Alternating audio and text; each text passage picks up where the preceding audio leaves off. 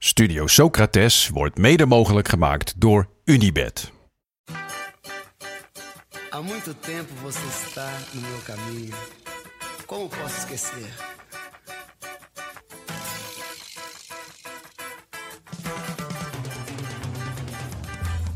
Welkom bij Studio Socrates, een podcast over alles wat voetbal mooi maakt. En met dit keer weer eens een team, als van ouds. En wat voor een. Het Brazilië van het WK 2002. Menina, no seu jeito de olhar. Socrates, Socrates, tirou! Socrates! Lindo gol de Sócrates. No seu modo de andar. Het WK 2002 is en blijft toch een toernooi met een zwart randje. De gouden generatie met Stam, Cocu, Kluivert, Bergkamp en Davids... onder leiding van de man met de gouden pik... waar, voor zover bekend, geen foto's van in omloop zijn... Louis van Gaal, kwam niet door de kwalificatie. Voor velen van jullie, en zeker voor mezelf, een groot verdriet. Een verdriet dat lang weg te stoppen was, totdat het toernooi daar was... en de Belgen zongen Wij gaan naar Japan en Holland niet. Pijnlijk. Gelukkig was daar Brazilië. Een team dat zo vrolijk stemde dat elk chagrijn smolt als ijsklontjes in een caipirinha onder de Braziliaanse zon. In die hoekige geel met groene shirts zongen de Canaries goddelijker dan ooit tevoren. Want zeg nou zelf, een wedstrijd waarin Roberto Carlos, Rivaldo, Ronaldinho en Ronaldo, de echte, het net vinden. Dat is toch bijna een religieuze ervaring. Cruzamento no gol do Brasil.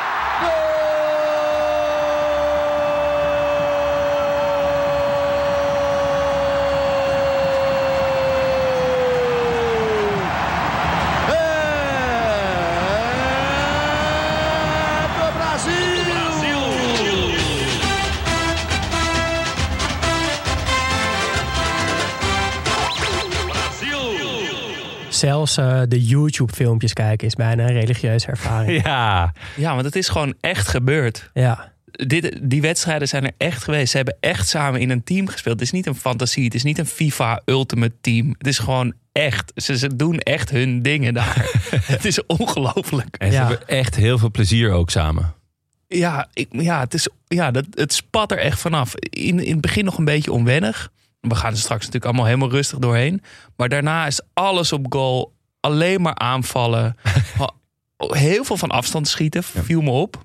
Refereert een beetje naar onze aflevering Heel van afstandsschoten. Heel veel omhaals. Omhalen, En hakjes. Hakjes, ballen dansjes. uit de lucht. Eh, ook, ook mooie goals tegen trouwens. Of mooie acties tegen. Ja, want Met zo, Turkije. ja, zo solide waren ze helemaal niet. Nee, nee ja, echt eh, schitterend. Ja, misschien een kleine disclaimer voor onze luisteraars. Ons voorbereidingsdocument bevat momenteel 22 pagina's. Ik weet niet wat er nog bij komt tijdens de eh, opname, maar... Ik zou zeggen, ga er lekker voor zitten. Neem een lekker bakje thee of een kopje warme cacao. En eh, ja, Of een caipirinha. Dat zou ik doen. ja, dat is misschien Ja. wel het beste, ja.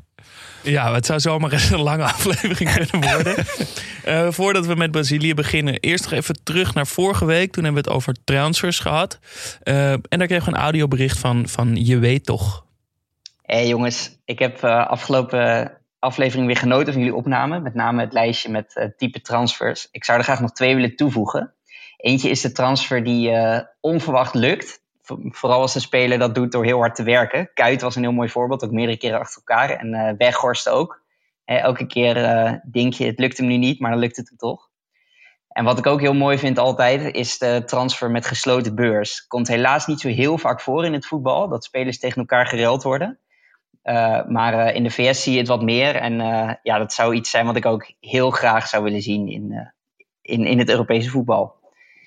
Uh, en ja, ik zou zeggen, ga zo door. Altijd genieten jullie podcast. Joe. En als ik nog even wat gratis reclame mag maken, en anders moeten jullie dit er maar gewoon vanaf knippen. Ik maak zelf ook een podcast, De Verwoorde Onschuld.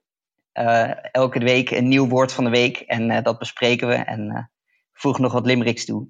Joe.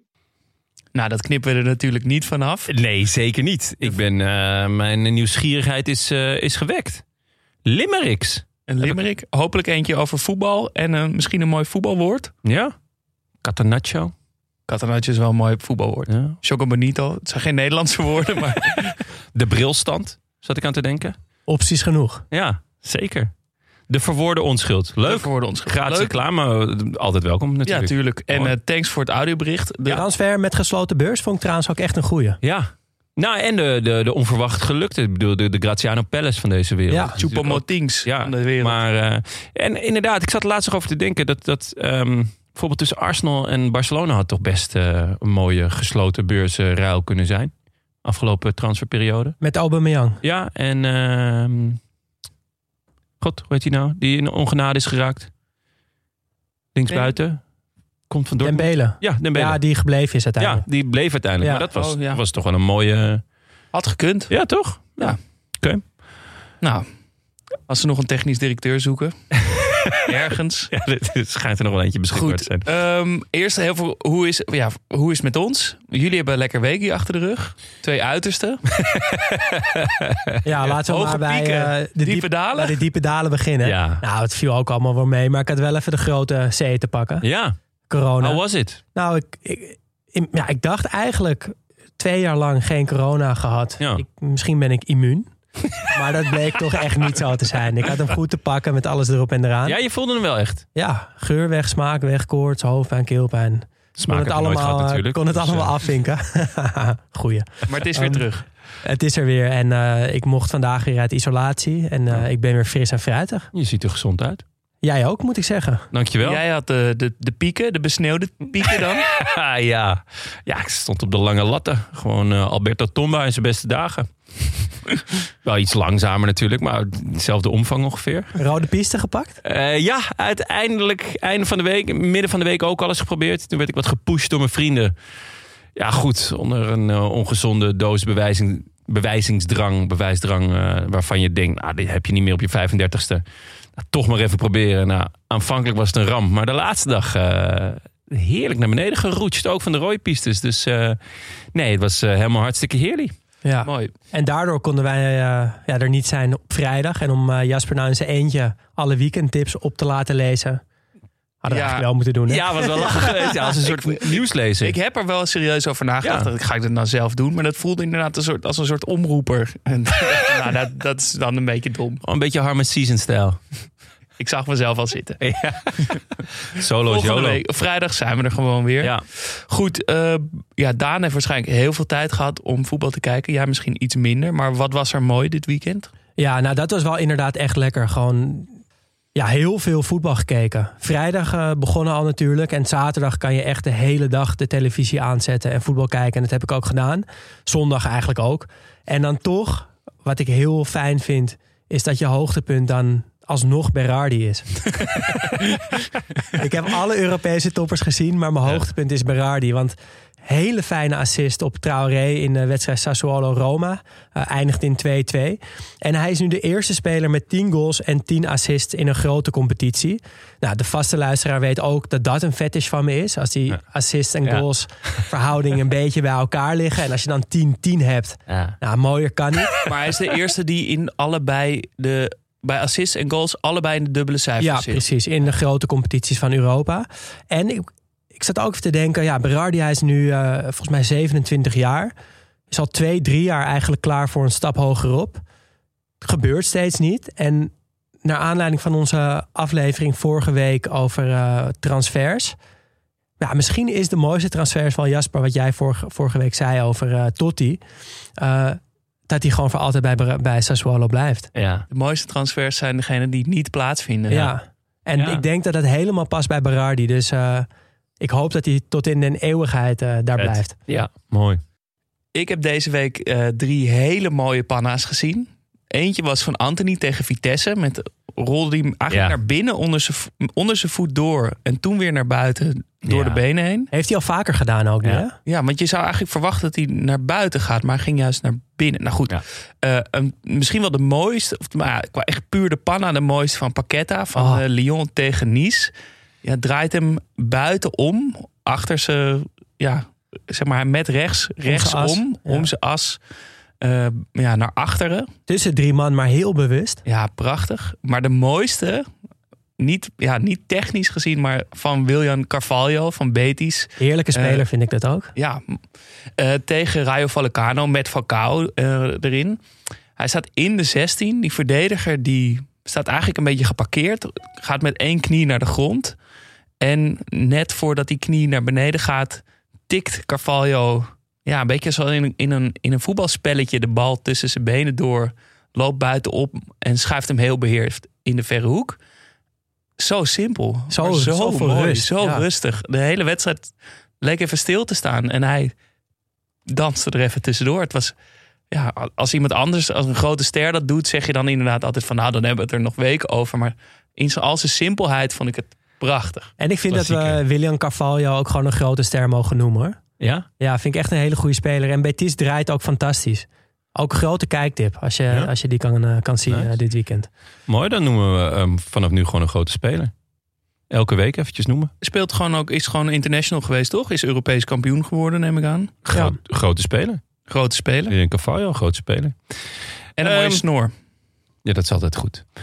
Ehm, ja, mijn eh, eh, eh, moment van de week, of de, de schoonheid, zat hem in de terugkeer van Chukwinonso Tristan Madueke. Nonnie Madueke. Hij is weer terug van een blessure, een dubbele blessure. Twee keer de hamstring. Volgens mij zelfs één keer echt helemaal door. Of in ieder geval, hij is echt lang uit de running geweest. Hij is terug en hoe? Wat een heerlijke speler. Hij gaat het liefst à la Arjen Robben eh, van, eh, van buiten naar binnen. Naar zijn linker om te schieten. Maar hij durft ook buitenom naar zijn rechter. Eh, hij heeft ook overzicht. Hij heeft dus een heerlijke dribbel in combinatie met overzicht. Daar, daar hou ik echt ontzettend van. Best wel vet ook. ehm, hij, is, is natuurlijk Brits. Dat gebeurt niet zo vaak. Dat Britten het eiland verlaten. Om het Jong zo- ook al. Ja, heel jong. En eh, het is natuurlijk altijd andersom, weet je wel. De, de Britse competitie longt voornamelijk voor jonge spelers. Van, ja, krijg zo snel een, een, een, ja, een dik contract en eh, mooie verhalen die eigenlijk nooit uitkomen. Ze worden meteen verhuurd. Ja, inderdaad. En hij dacht gewoon, eh, ik doe het andersom. Hij verliet Tottenham op zijn zestiende om, eh, ja, zoals hij het zei, mannenvoetbal te spelen in Nederland. Nou, dat vind ik best wel vet. Eh, hij had het idee dat hij bij de junioren niet heel veel verder kwam. En eh, nou ja, in Nederland krijg je toch als jonge speler sneller een kans. Ehm, en ja, die overtuiging had hij eh, dat het voor zijn ontwikkeling beter zou zijn. En eh, nou ja, ik vind eigenlijk dat hij nu al gelijk heeft. Hij is 19. Hij heeft een onbetwiste basisplaats eh, bij PSV. En ik weet niet of jullie de goals hebben gezien. Zeker. die er uit zijn acties komen. Die acties waren echt zo Ja. Puur of zo om naar te kijken. Het was op, op, ja, op, op gevoel aanvankelijk de actie. Maar vervolgens ook nog het overzicht hebben om, ja, om de juiste speler aan te spelen. En vervolgens ook nog eens de emotie Ja, ja. die eruit kwam. Wat Ja. ook mooi was. Ja, zeker. Het is natuurlijk een jonge gast die, die een paar keer echt al flink geblesseerd is. Ehm, ja, ik hoop eh, voor, voor PSV, maar ook gewoon voor de Nederlandse competitie, dat hij gewoon eh, ja, dat hij lekker, eh, dat hij lekker fit blijft en nog heel veel van dit soort vette acties gaat, eh, gaat maken. Ook een grote speler. Ook een groot Ja. speler, ja, zeker. Nu al. En daarom eh, is hij ook onze Klaboe-speler van de week. Ja, Eh, ja, we zullen het nog, nogmaals uitleggen. Klaboe eh, ontwerpt en verkoopt sportkleding. En met de opbrengst daarvan worden sportclubs in vluchtelingenkampen gestart. De slagzin van Klaboe is de unbeatable spirit. En wij kiezen dus elke week een speler die bij dat mooie mer- merk en bij, dat, bij die unbeatable spirit past. Nou ja, de, de unbeatable spirit is, het lijkt me heel duidelijk. Eh, na, die, na die dubbele hamstringblessure zo terugkomen.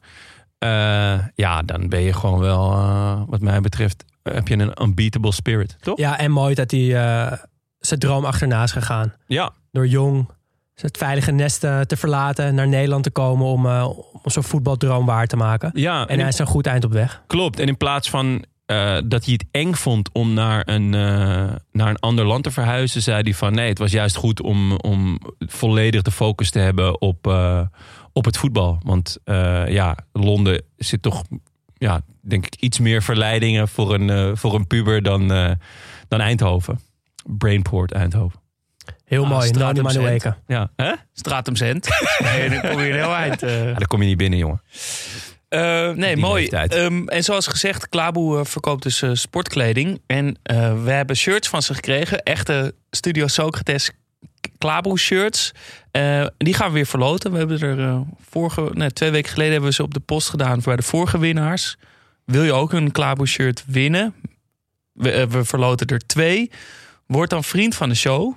En dan verloten we het onder alle vrienden van de show. Dus als je al vriend van de show bent, dan maak je natuurlijk ook kans voor, Je voor zit de, gewoon voor de grote in, het, eh, loting. in de grote loting. Ik neem aan dat je volgende week je loodjes weer meeneemt. Ik heb ze nu al mee. Heerlijk. En het is een, eh, een mooi geel shirt. Een beetje in de stijl van, eh, van het Brazilië wat we Ja. vandaag gaan bespreken. Ja, zeker.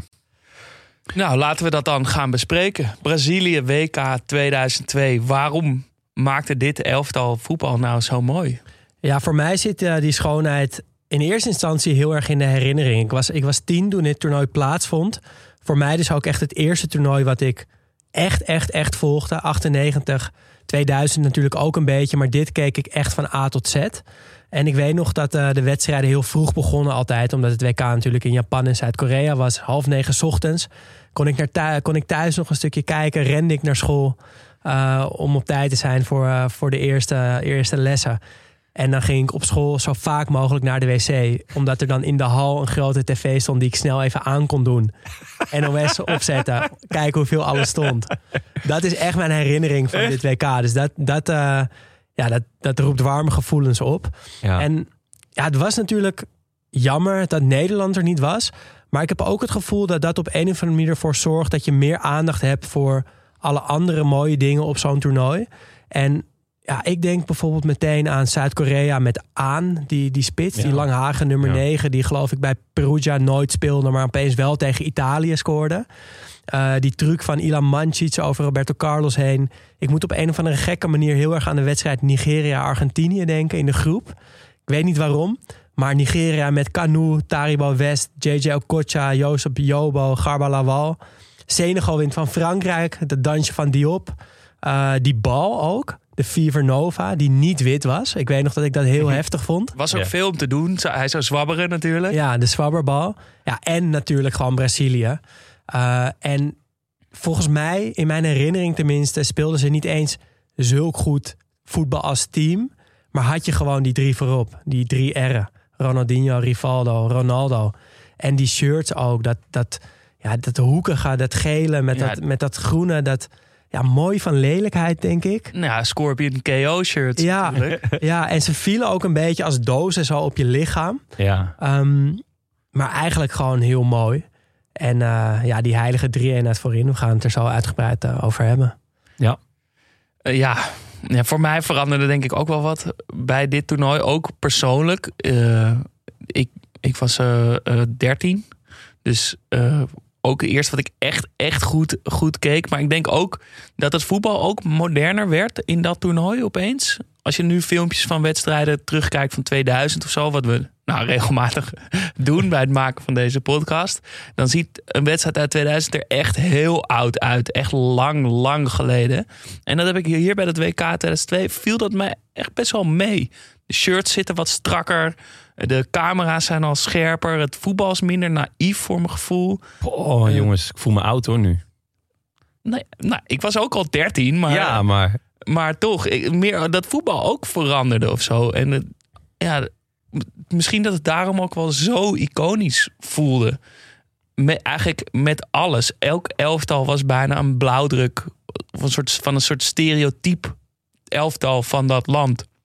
En daar hebben we het vorige keer ook al een beetje over gehad. Hoe dat kan. Of dat, dan, of dat echt dan aan dat elftal ligt. Of dat er, omdat er twintig jaar overheen gaat, nou ja, dat het ik, dan iconisch wordt. ja, ik denk dat het ook heel erg te maken heeft. Daar hebben we het ook wel vaak over gehad. Met de, de gevoelige periode. eh, waarin je zit zelf als voetballiefhebber. Want wat jullie hebben met dit toernooi heb ik toch meer met het WK 98 en EK 2000. Eh, ja, toen was ik jullie leeftijd. En toen had ik gewoon.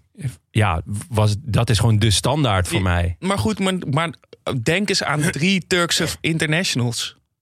Die speelden allemaal mee. Ja. Die je nu in je hoofd hebt, die speelden allemaal mee dit toernooi. En denk aan een iconisch kapsel in de voetballerij. Die speelden ook mee. Taribo West en Ja. Ronaldo met die hoek. Eh, noem een Duitse spits. Ja, die speelde mee, Klose. Eh, denk aan een Nike-shirt. Denk aan een WK-bal. Denk aan een Schwalbe. Denk aan een... Het is gewoon Ja, allemaal, allemaal in dit allemaal, toernooi. in dit toernooi. Alles is iconisch. En daarom is het zo mooi. Ja. Ja. Ja, nogmaals, ik voel me oud. Maar Mijn eerste, bewust, mijn, eerste, ja, Mijn eerste bewuste toernooi was, was 94. En Toen keek ik niet alles, ook omdat het meeste midden in de nacht was natuurlijk. Maar ja, 96, 98, 2000 zat ik echt al wel aan de buis gekluisterd. Ehm, en daarom, ik, ik voel, en dat had ik ook weer bij het voorbereiden... ik voel gewoon nog steeds de pijn van die goal van McAteer. Ja, jij moest je daar eerst echt even overheen zetten. Ja, want, want McAteer, dat is de Ier die ons eh, naar huis schoot in Ja. de kwalificatie. Ja, en, en ik weet die kwalificatie nog. Ehm, en ik weet ook waar, waar ik die beslissende wedstrijd keek. En Ierland stond notabene met tien man. Maar eigenlijk was het eerder in die, in die kwalificatie ook al een paar keer heel raar gegaan. Met die 2-0 voorsprong tegen Portugal die Nederland weggaf in de laatste zeven minuten. Ehm, en vooral, ze hadden zo'n schitterend team. Eh, het Nederlands elftal was gewoon absoluut top. Dus ja, dat was voor mij. Ja, ik moest echt eventjes eh, drie, keer, drie keer slikken voordat ik eh, ehm, ja, kon, kon naar het toernooi kon kijken. Ehm, ik weet ook nog dat ik het echt fucking irritant vond dat, dat Guus Hiddink, die in 98 natuurlijk bondscoach was van het Nederlands elftal en daar ook schitterend voetbal mee speelde, eh, dat hij het zo goed deed met, met Zuid-Korea. Niet omdat ik het hem niet gunde of zo, maar wel gewoon dat ik dacht, ja, ik zit hier gewoon naar Alle Nederlanders moeten thuis zitten. ja, ja, inderdaad. Terwijl ik zit hier gewoon ellendig te zijn. En hij is daar vet blij een beetje aan het doen omdat Zuid-Korea heeft gescoord. Vet blij, hij was, ge- de, hij was god geworden. Ja, toch? ik, ik geloofde het gewoon. Ja, natuurlijk. eh, Hè, als iedereen voor je juicht, is het natuurlijk ook leuk. Maar ja, ik vond het gewoon eh, ik vond het een beetje verraad of zo. En achteraf, want daar ben ik ook nog even ingedoken, was die, die prestatie van Zuid-Korea was heel dubieus. Ehm, de, de, de, ze spelen in de kwartfinale eh, tegen. eh, of in de. Ze spelen in, in de knock-out fase tegen zowel Spanje als Italië. Waarbij bij Spanje worden eh, twee goals afgekeurd. Waarvan ik denk: oké, waarom? Door de scheidsrechter. Eentje was gewoon echt verre van over de achterlijn. En die wordt afgefloten. En die andere begreep ik ook niet helemaal. Maar met name de wedstrijd tegen Italië. Eh, die eh, uiteindelijk in een gelijkspel eh, eindigt. Ehm, na de wedstrijd waren de Italianen woedend. De de tv-commentator Bruno Pizzol die zegt... we zijn compleet bestolen. Totti kreeg een rode kaart na een vermeende schwalbe... wat eigenlijk gewoon een pingel was. En in de verlenging keurde de scheidsrechter onterecht... een loopzuivere golden goal van Damiano Tomassi af. De scheidsrechter Byron Moreno... Rinkelt er een belletje? Nee. Die eh, eh, werd na het WK eh, twee keer geschorst vanwege omstreden beslissingen. Zo liet hij ooit zes minuten te lang doorspelen bij een wedstrijd in Ecuador. Dit was nog pre-VAR. In die extra tijd werd twee keer gescoord, waardoor niet de tussenstand 2-3, maar een 4-3 eindstand op het scorebord stond. En, dat is helemaal mooi, in 2011 werd Moreno veroordeeld tot 2,5 jaar cel nadat hij op het vliegveld tegen de lamp liep. De Ecuadoriaanse scheidsrechter boekte een trip naar New York. Alles ging goed. Totdat de douane een aantal kleine plastic zakjes vond. die vastgeplakt waren op het lichaam van Moreno. De zakjes zaten vol met heroïne. Heroïne. Heroïne. Ook dat nog. Dus ja, hij, hij werd na deze. Volgens mij heeft hij ook nooit meer een interland gefloten. na deze. eh, ja, na deze wanvertoning eigenlijk. Ja, het, en het leek er toch wel heel erg op dat er, dat er, ja, dat er wat andere krachten in het spel waren. die, eh, ja, die Zuid-Korea naar een eh, ongekende hoogte stuwden. Dus ja, dat, dat is ook wel een beetje wat, mij, eh, wat mij is blijf, bij mij is blijven hangen. Maar ja, dan had je natuurlijk wel gewoon dat heerlijke Brazilië. Ja, ik wou zeggen, de, de sfeer zit er nu lekker in. We gaan er nu lekker over zitten. Nee, maar dat nee, kijk. nee, doet toch niet zoveel af aan dit team? Nee, helemaal niks zelfs. Maar dat toernooi was voor mij gewoon bitter, weet ik nog. Ik, ik zat gewoon verbitterd voor de televisie. Dat ik alleen maar dacht van... Godverdik, godver, waar, we, we- we hebben het gewoon verkloot. Ja, dat is ook zo. Ja, zeker. Ook in de, in de eh, eerste ronde vlogen er echt... Frankrijk vloog eruit, Argentinië vloog eruit. Allemaal andere favorieten. Ehm, de- ja, het lag helemaal open. Ja, maar dat is toch te gek? Ja, ja. Daar zitten we elke keer over te klagen dat het allemaal eh, be- beslist Ja. is. Goed, we we gaan hier het- gewoon wereldkampioen moeten worden, jongens. Ja, want eh, Brazilië kende ook geen goede aanloop naar dit eh, WK. Nee. Ehm, Plaatste zich vrij nipt. ja, derde werden ze achter Argentinië en Ecuador, of all people. Ja, Zeker. En ehm, ook echt maar met drie punten voorsprong op de nummer zes. En dan waren ze gewoon uitgeschakeld. Ja, en Ronaldo was natuurlijk het hele jaar, bijna het hele jaar geblesseerd bij Inter. Eh, in die kwalificatie drie trainers versleten in negen maanden totdat uiteindelijk Scolari het overnam. Meer dan 65 spelers uitgeprobeerd in die, eh, in die kwalificatie. Heel erg op zoek naar de juiste formule van ja, hoe laat je nou Rivaldo, Ronaldo en Ronaldinho met z'n drieën renderen. Eh, en gaat dat nog wel op tijd lukken? En toen viel ook de captain Emerson vlak voor het WK nog uit. Doordat hij een potje ging keepen tijdens de training. Eh, serieuze blessure opgenomen, streep door het WK. Dat is eh, die Emerson eh, van AS Roma, die we in de aflevering over Roma ook uitgebreid behandeld hebben. Ja, en dan blijft er een best wel goede selectie over. Um, maar ook weer geen topselectie. Um, even een paar opvallendheden in die selectie. Een jonge Kaká zat erbij. 20 jaar, speelde nog bij Sao Paulo. Uh, Ronaldinho is de ena jongste met 22 jaar. Opvallend veel spelers ook uit de nationale competitie. Uh, naast Kaká speelde bijvoorbeeld ook Gilberto Silva en Dida nog in eigen land. Um, Anderson Polga, Edilson, Luzau junior. Onbekende namen. Ja. Allemaal Brazilianen die in deze selectie zaten. Rogerio Ceni, die keeper die uh, zoveel vrije trappen en pingels heeft gemaakt. en uh, Van Petta. Nou, daar krijgen jullie nog een toetje van uh, op het einde.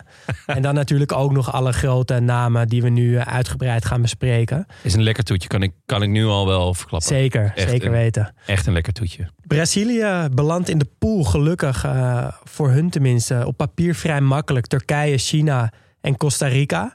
En speelt de eerste wedstrijd tegen Turkije. Um, Ja, en, en wat voor een Turkije met, uh, ja, met al die grote namen die je denkt. Met Emre Belözoğlu, met Hakan Şükür, met Roestu. Uh, die spelen allemaal. Oh. Um, en het is denk ik ook wel misschien de meest iconische wedstrijd van het hele toernooi. Misschien wel door die rainbow kick die Ilan Mansis bij Roberto Carlos doet. En door die Schwalbe die Rivaldo doet nadat de bal tegen hem aan wordt ja, geschoten. Bij de cornervlag. Um, maar een heerlijke wedstrijd. Ja, Brazilië speelt, dat viel mij heel erg op in een, uh, in een 3-5-2. Dat is volgens mij een formatie die je toen nog niet zo heel vaak zag.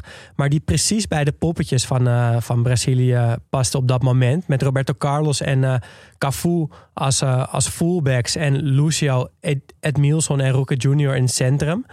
Um, ja, Cafu en Roberto Carlos kunnen natuurlijk lekker stomen. En dat zie je ook in al die wedstrijden die je op YouTube terug kan kijken. Dat het ook heel erg gebeurt. Ja, um, je ziet het ook bij alle goals die ze tegenkrijgen trouwens. Ja, dat ze weg zijn hè. Ja. Dan denk je ineens, hè, daar zou toch rechts, rechts of linksback moeten ja. ja, maar daarom, het is zo positief voetbal. Het is zo... Als je er eentje meer maakt, dan win je. Ze gaan gewoon scoren met z'n ja. allen. Ze gaan gewoon met z'n allen proberen te scoren. Op het middenveld staan uh, Gilberto Silva en Juninho Paulista. Uh, op nummer 10 Ronaldinho en daarvoor Rivaldo en Ronaldo. En wat dus heel erg opvalt is dat Dida niet keept. Ja. Maar dat ene Marcos op goal staat. Ja, Marcos uh, dus. Even oud als Dida, 28. Dan zou je denken, nou... Ik zou ook denken eigenlijk dat Dida op zijn 28ste al bij Milan speelde. Maar dat was nee. dus niet zo. Nee, die werd, een, werd wel een jaar eerder al gekocht. Alleen uh, meteen weer uitgeleend, geloof ik. En die kwam pas na het WK uh, onder de lat te staan bij Milan. Ja. Maar goed, Marcos uh, ken je waarschijnlijk niet... omdat hij zijn hele carrière... van zijn 19e tot zijn 39e bij Palmeiras keepte. Wordt in Brazilië beschouwd als een van de beste Braziliaanse keepers ooit. Kreeg in Sao Paulo de bijnaam Sao Marcos... Heilige Marcos. Um, won in 1999 de Copa Libertadores met Palmeiras. En um, kon ook na dit WK bijvoorbeeld ook naar Arsenal. Uh, want Palmeiras degradeerde. Um, hij ging samen met Edu richting Londen. Ging samen kijken. Uh, had een goed gesprek met Wenger. Maar hij verdween. En hij zei: Ik speel nog liever in de, in de Serie B met Palmeiras dan uh, in Europa op het hoogste niveau. Schitterend. Um, uiteindelijk had dat ook nog wel iets meer voeten in de aarde. Blijkbaar heeft hij een heel goed gesprek gehad met Wenger. Waarin hij zei: Ja, heel veel spelers die nu bij Palmeiras uh, spelen, die doen eigenlijk voor het geld worden ze dan verkocht. En dan gaan ze, zeggen ze dat ze zich niet kunnen aanpassen. En laten zich weer terug verhuren aan Palmeiras. Wat een heerlijke uh, oplossing is voor, voor die club. Hij zei: Ja, dat, ik hou van Palmeiras, maar dat wil ik je niet aandoen. Dus ik ga gewoon op terug naar Palmeiras. Ja, heel vet. Arsenal haalde Leeman, dus dat eh, pakte prima uit.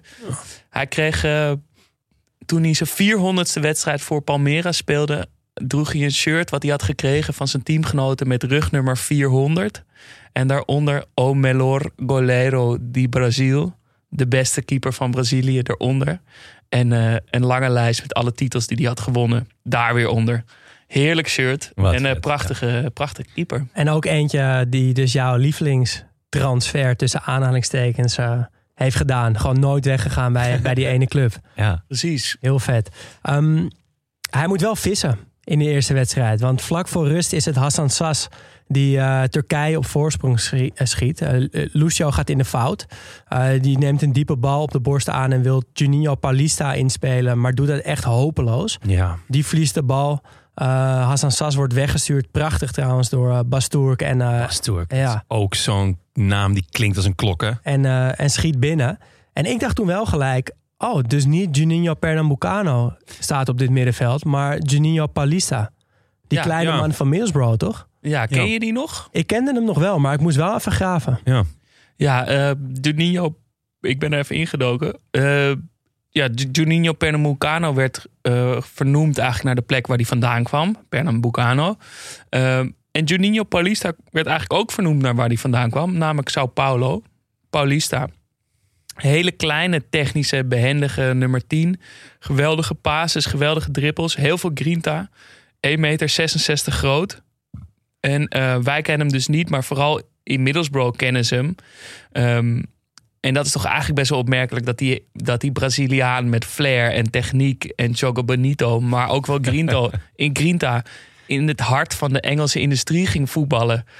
Ja, Middlesbrough is gewoon rijen lange arbeidershuisjes, schoorstenen, kolen, gewoon eh, echte arbeiders. Grijs en grauw. Ja, en hij daartussen. Eh, maar het werkte. Hij werd in 2008 door de Sun gekozen tot de beste Braziliaanse voetballer in de Premier League ooit. Wauw. Wat op zich best wel raar is. want- Maar er hebben ook niet zo heel veel grote Braziliaanse spelers in de Premier League gespeeld. Nee, Zeker toen nog niet, nee. kan ook niet heel snel. Ja, nu heb je natuurlijk Thiago Silva. Ja, Ja. maar goed, het heeft, het heeft niet echt de grote sterren. Nou, Ja, doet er verder niet af aan eh, wat hij deed. Want hij was dus echt heel goed. Hij was mini. Hij was echt een, een heel... een- Echt heel klein. Hij was echt heel klein. Eh, daardoor dachten alle clubs van... Nou, die, die kan het niveau niet aan. Ze speelde bij het bescheiden Ituano. Eh, maar daar maakte hij die wel duidelijk van... Nee, ik kan het niveau wel aan. Ging daardoor na een jaar meteen naar Sao Paulo... in een heerlijk team met een jonge Cafu en Rai onder andere... Ze wonnen de Libertadores, versloegen het eh, Barcelona van Cruijff op het eh, WK voor clubteams. En eh, toen werd hij opgeroepen voor de Seleção. Dit is nog ergens halverwege de jaren negentig. Ehm, speelde een oefenwedstrijd met Brazilië tegen Engeland. Robson zag hem en wilde hem per se naar Engeland halen. Dat lukte, want er was een, een of andere grote mecenas die geld in Middlesbrough pompte. Ehm, hij kwam, gaf zijn eerste assist na 12 minuten. En werd door en die techniek en die werklust... eh, werd hij meteen een publiekslieveling. Ehm, alleen eh Middlesbrough eh, degradeerde dat seizoen. Want ze hadden alleen maar hele goede spelers gekocht... maar waren de breedte vergeten. En moesten in het, op het eind van het seizoen... konden ze geen elf spelers meer opstellen. Dus, Het klinkt wel echt als een heerlijk beleid. ja, dus ging naar Atletico. Raffanelli zat er ook toch toen? Ja, klopt. Die werd Nou, dat is gewoon een, ha- de halve begroting aan Raffanelli hadden ze uitgegeven. Ja, en aan, eh, en aan hem. Ja, heel 4 vet. miljoen of zo kostte die. Ja. Nou, toen die tijd astronomisch misschien wel. Ehm, maar hij brak bij, eh, bij Atletico zijn enkel. Of ze verbrijzelde zijn enkel volgens mij. En daarna is hij nooit meer echt op niveau gekomen. Miste WK 98. Ging weer terug naar eh, Middlesbrough. Ehm, en toen ging hij er alles aan doen om dit keer wel voor dat WK opgeroepen te worden. Dus had een lange rij eh, Braziliaanse clubs.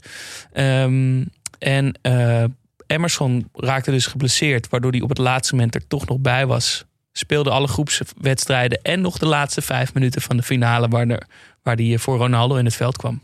Toch lekker als je die eh, nog even meepakt, die finale, ja. die paar minuten. In ieder geval dat, dat, dat moment van blijdschap. Ja, ja. Nou, dan, eh, dan, gaan, eh, dan gaan de mannen de kleedkamers in. Is het rust, 50ste minuut. Tweede helft is weer begonnen. En Ronaldo scoort zijn eerste, eerste goal op echt een classic Rivaldo-assist. Die de bal met heel veel gevoel en snelheid vanaf links... een soort van curve voorzet achter de verdediging legt. Ook nog uit stilstand. Ja, een vroege voorzet. Dus Ja. Hij krult hem echt helemaal naar voren. En die bal die heeft zoveel curve dat hij bijna weer helemaal terugkomt. Hij komt eigenlijk bijna recht Ja. van Ja. voren bij, bij Ronaldo. Echt Ja. om, om de verdediger heen. Ja. En Ronaldo moet, eh, ja, moet sprinten om die bal te redden, maar, maar redt het dus. En kan hem eh, ja, een soort van wel moeilijk nog, maar hoog intikken. En dat is eigenlijk wel de opmaat voor wat er de rest van het toernooi zou gebeuren. Een ontketende Ronaldo. En ook een hele, hele goede Rivaldo. Ehm, ja, dat belooft veel. En dan winnen ze deze wedstrijd ook nog in de laatste vijf minuten. Eh 2-1.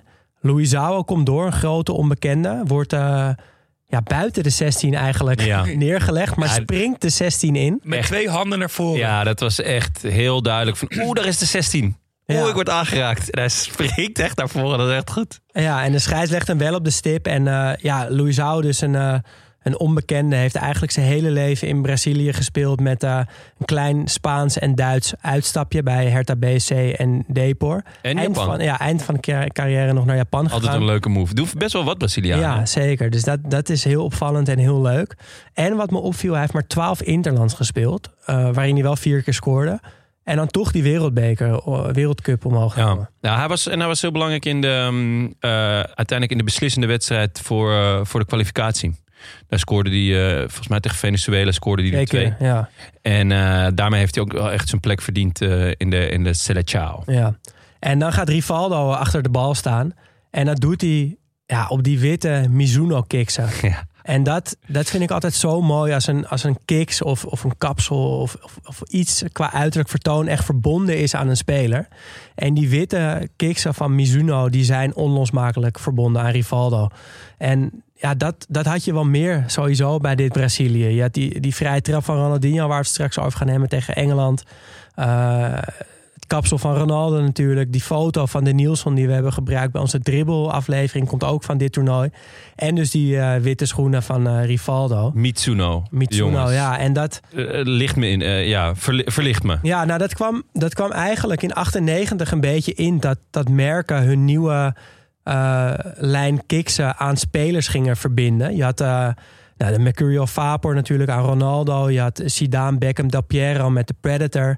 Je had eh, Mustafa Hadji van Marokko op de, de Puma King. Eh, mo- moet jij En mooi terecht, vinden. zeker. Je had ja, ja. Alfonso op zijn witte Joma's. Precies. en ehm, ja, Rivaldo droeg eerst altijd Umbro, maar ja, een Japans sportmerk uit Osaka. En eh, in 2001 lanceert Mizuno een, nieuwe, een nieuw model, de Wave Cup. En dat is ja, toch wel een speciale, want waar Rivaldo normaal altijd op zwart-witte eh, variant van de Mizuno speelt, is hij nu anders. Ja, dus die, die helemaal witte Mitsuno's met die hele mooie soort blauwe... Ja, wat is het? Een soort puntige vogel? Ja, Pijl achtig. aan de zijkant in het blauw met een klein geel lijntje. En aan, op de achterkant van zijn schoenen, ja, er was een prachtige foto dat het helemaal ingezoomd op die kiksen. Daar staat Tamiris.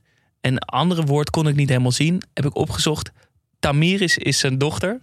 Dus dan moet dat andere woord wel Rivaldinho zijn, zijn zoon. Eh, en daarmee speelt hij dus. Nou, jongen, voor onze luisteraars. Als Jasper een staart had, dan zou hij kwispelen. Zo blij zit hij hier. Ja. Gewoon deze kicks te beschrijven. Ja, zo'n mooi beeld. En het is voor Mizuno ook een, eh, ja, een gooi om meer wereldsterren binnen te hengelen. Ze hebben het later nog geprobeerd met Nakamura, Hulk, Honda, Santa Cruz, Aymar, Patrick Kluivert, Zola, Thiago Motta. Ga zo maar door. Ehm, ze hebben het allemaal niet heel lang volgehouden op Mizuno. In ieder geval niet zo lang als Rivaldo. Ik kan me herinneren dat Kluivert en Motta nog wel lang op die schoenen gespeeld hebben, maar de rest niet. Ja. Ehm, en je ziet het wel vaker dat dan eh, New Balance heeft het ook een tijdje geprobeerd, toch? En eh Under Armour nu met, eh met de paai. Maar volgens mij moet je gewoon altijd lekker op Nike, Adidas of de, Puma King. op de, of de Puma King eh, gaan Ja. voetballen. Of witte Joma's. Of witte Joma's, ja, nee, dat is waar. Maar Rivaldo, jongens, ik, Hij ik, vond, scoort. het, eh, ik vond het ook lastig om, eh, om hem te duiden. Want ja, hoe verhoudt hij zich tegenover Ronaldo, tegenover Ronaldinho? Past, past Rivaldo in dat rijtje? Ja, ik denk qua voetbalkwaliteiten wel. Ehm, maar het was zo moeilijk, vond ik in ieder geval, om van hem te houden. Ik weet niet, misschien was het zijn, zijn houding of zijn, eh, zijn gezicht of zijn manier van, van spelen of zo. Het was niet. Ik, ik denk ook dat, het, eh, dat ik beïnvloed ben in ieder geval door Van Gaal, die hem bij Barcelona eh, vaak niet opstelde en op een gegeven moment liever kwijt dan rijk was, omdat hij naar wat Van Gaal zei, het, het, het teamproces ja, blokkeerde. Het was een verdette. En, en zo gedroeg hij zich ook. Waar ik op zich eigenlijk altijd heel erg van hou. Dus misschien dat als ik hem nu zou zien spelen. eh, dat ik wel groter fan zou zijn. Maar ik miste. ehm, ik miste zeg maar de, de vrolijkheid eh, van Ronaldinho. En ehm, eh, de absolute kwaliteit om een team te dragen. Zoals de echte Ronaldo had. Ik bedoel, dat was natuurlijk ook gewoon een verdette. Maar die, daarvan wist je gewoon, hij gaat altijd leveren. Hij gaat gewoon altijd in de belangrijkste wedstrijden, gaat hij het gewoon laten zien. En dat, dat als je dus zo'n houding hebt als, als Rivaldo, dan moet je het dus wel altijd laten zien op momenten dat het, dat het, dat het moet. Ja, nee, dat, dat deed hij in mijn ogen eigenlijk ook niet. En het, ja, ik moet toch, ik denk eigenlijk echt zelden aan Rivaldo. Maar als ik dan nu die beelden allemaal heb bekeken, dan vind ik het toch raar dat ik niet vaker aan hem denk. Want nou, het is een linkspoot. Hij voetbalt Ja. best wel hoekig, best wel traag. Ja. Uh, een hele mooie trap ook. Hij heeft een hele eigen stijl ook, waar ik heel erg van hou. Maar hij, hij zit gewoon niet in mijn geheugen. En ik denk ook niet dat dat nog gaat veranderen. Toch ook niet na het kijken van uren aan Rivaldo beeldmateriaal. Nou, ik, ik moet zeggen dat, dat eh, ik, ik herken dit wel. Eh, en ik denk dat dit voor een groot deel ook komt door wat er in de laatste vijf minuten van deze wedstrijd tegen Turkije gebeurde. Ah, ik weet het, dat vond ik eigenlijk juist wel vet. Hakan Unsal, die wil haast maken. En eh, Brazilië heeft een corner. Hij staat al klaar bij de, bij de cornervlag. Die Hakan Unsal is gefrustreerd. Schiet die bal veel te hard naar Rivaldo. Die hem tegen zijn knie krijgt. En meteen ook in een reflex naar zijn gezicht grijpt. um, en ik denk dat dat toch wel een groot deel van zijn imago is gebleven. Um, maar dat is, ik, vind, ja, ik werd er toch wel een beetje warm weer voor. Want hij is in enorme armoede opgegroeid. En heeft daarom, ja, wat ze in Zuid-Amerika bronca. Bronca. Bronca. Um, wat is bronca? Ja, bronca is iets wat Maradona ook had. Uh, ik lees het even in het Engels voor. Daarna zag ik nog even in het Nederlands. Maar ik vond dat dit zo mooi opgeschreven was door The Guardian.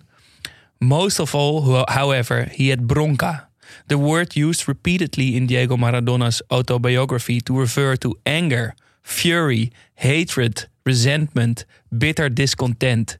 His motivator, his fuel, his driving force. Zidane had rage blackouts, but he was rarely in a high state of bronca. For the most part, as we saw in his movie, he was a wonderfully still footballer whose game existed in a vacuum of technical perfection, such as the volley in 2002 Champions League final. But he could not win a game on his own by imposing his personality all over it. And Rivaldo could. Dus een soort onbegrensde wil om te slagen ten koste van alles en iedereen. En dus ook vanuit een soort achterstand en vanuit die ongelijkheid denken: fuck het, ik ga gewoon. Ik, het maakt me allemaal niet uit, ik, ik maak jullie kapot of zo. Ja. ja, nou ja. Die, uit die verontwaardiging dat hij daardoor. Ja. Uh, dat dat zijn grote drive maar was. Ik, ja, ik, maar ik denk dat dat dus ook ergens is wat wij voelen, of tenminste ik, van waarom ik niet echt van hem hield. Uh, ja, verongelijkheid is, is, vind ik niet een heel vette eigenschap of zo. Maar misschien wel terecht dat hij verongelijkt was. Omdat hij uit een arme, arme, ge, arme gezin komt. En uh, dat het altijd knokken is geweest. Dus misschien is het terecht. Maar het, ja, dan dat maakt Bronca maakt het wel moeilijk om van iemand te houden, denk ik. Ja, ja en Goed, ik denk ja. toch ook uh, dat hij gewoon echt wel een stukje minder ook was dan Ronaldinho en Ronaldo. Want ook als je kijkt naar de rest van zijn carrière, um, heeft natuurlijk bij Barça het goed gedaan. Niet uitzonderlijk gedaan. Daarvoor Deportivo La Coruña wel goed gedaan ook, maar ook niet uitzonderlijk gedaan. AC Milan eigenlijk niet zo goed gedaan. En daarna is het best wel snel afgegleden. Dus hij heeft ook helemaal niet zo'n hele mooie carrière gehad. Misschien was hij wel op zijn best bij Brazilië. Ja. En dat maakt het wel mooi dat het zo klikte ook juist met Ronaldo en Ronaldinho. Ja, ik denk ook wel dat hij een best wel dienende rol had in die. Ja. Zeker voor Ronaldo. Veel overstapjes, uh, uh, paasjes. Uh, wel ook heel veel schoten van afstand. Ja. Um, Maar ja, met die hele donkere, hele diep liggende ogen. En die hele kromme benen. Toch een beetje zo'n eng figuur had hij. En eh, hij lachte ook bijna nooit. Ik heb één foto kunnen vinden waarop hij lacht. Nou, dat is bijna niet terug te herkennen. Het ziet er niet uit. Eh, Is het moeilijk van hem te houden? Het is wel, het is ook een beetje lullig, want dat is een foto waarin hij naast Ronaldinho lacht. Ja, En ja, dat is een soort, die lacht met zijn hele lichaam. En, en bij Rivaldo, je, ziet op die foto, ja, laat ik het ook maar proberen of zo. Zoiets is het. het, het ziet er heel stroef uit. Ja. Ehm, speelde trouwens op zijn 42ste. Dus het ging wel vrij rap eh, achteruit met zijn carrière. Maar hij speelde nog tot zijn 42ste bij de club Moji Mirim. eh, waar hij toen ook al president was. Ehm, en hij speelde daar nog samen met zijn zoon van 20 toen al. Heel vet. Dat is mooi. Rivaldinho. Goed. Ze gaan eh, de volgende groepsfase. De laatste wedstrijd van de groepsfase. Brazilië-China. 4-0. Ah, Ja, dit is de tweede, Ja, de tweede. oh, de tweede, Ja. sorry. Ja, 4-0. Goals van Roberto Car- Carlos, Rivaldo, Ronaldinho en Ronaldo. Dus Ja, een ik- zalige wedstrijd eh, voor Brazilië. En voor de letter R. Ja, Mooi, misschien kan eh, eh, de jongen van, eh, van, van het luisterbericht hier extra van genieten. Ehm, Roberto Carlos met een streep, met een Ja. poeier van een vrije trap. Ja, als, je dat gewoon, als je gewoon de, de, de uitslag ziet van deze, van deze wedstrijd en je ziet wie de doelpunten maken zijn, dan ga je daar toch gewoon lekker voor zitten. Ja, nou, moet je ook zeker even doen. Ja. We, gaan dat niet eh, allemaal vertellen, maar dit is een hele lekkere samenvatting om te kijken. En een Ja. Lekker, goede overwinning voor Brazilië om wat vertrouwen te tanken voor de rest van het toernooi. Ehm, derde poolwedstrijd is tegen Costa Rica, wordt 5-2. Doelpunten van Ronaldo, nog een keer Ronaldo, Edmilson, Rivaldo en Junior. Eh, waarbij vooral de 3-0 van Edmilson echt even besproken moet worden. Want dat is een ja, slataneske omhaal Ja, voorzet vanaf links die geraakt wordt Ja. en hoog de lucht in vliegt. ja en die, die een soort van over hem heen komt en je ziet hem de bal volgen en eigenlijk is hij volledig in controle, vind ik. Eh, dus eh, vaak zit er bij een omhaal eh, nog wel een soort van ja, geluksfactor bij. Van, oh ja, daar komt die voorzet, die is niet zo goed. Oké, ik gooi mijn lucht in en hop. Maar je ziet hem, ja, de bal komt boven hem. Hij draait eigenlijk mee. En eigenlijk in een heel vloeiende beweging ja, haalt hij hem om in, in de verhoek. Schitterende goal. Gewoon echt een beetje hoe Slatan. eh, Ja, echt eh, slaat dan avant la lettre. Eh, maar zo goed, ze komen dus op, op 3-0 voor. Dan wordt het, komen, komt Costa Rica 3-2 terug. Ja. En dan zou je denken, wat 9 van de 10 10 teams doen, is daarop spelen waarschijnlijk, toch? De pot Ja. dichtgooien, we dat over de finish trekken. En in plaats daarvan gaan ze gewoon vol op de aanval. En wordt het dus nog 5-2. Ja, binnen acht minuten. Typisch voor, voor dit team, denk ik. En eh, eh, ja, die Ed Mielson, dat is wel een mooie speler, prachtige carrière. Centrale verdediger of verdedigende middenvelder. Heel technisch, sterk, intelligent, kwam heel veel mee op.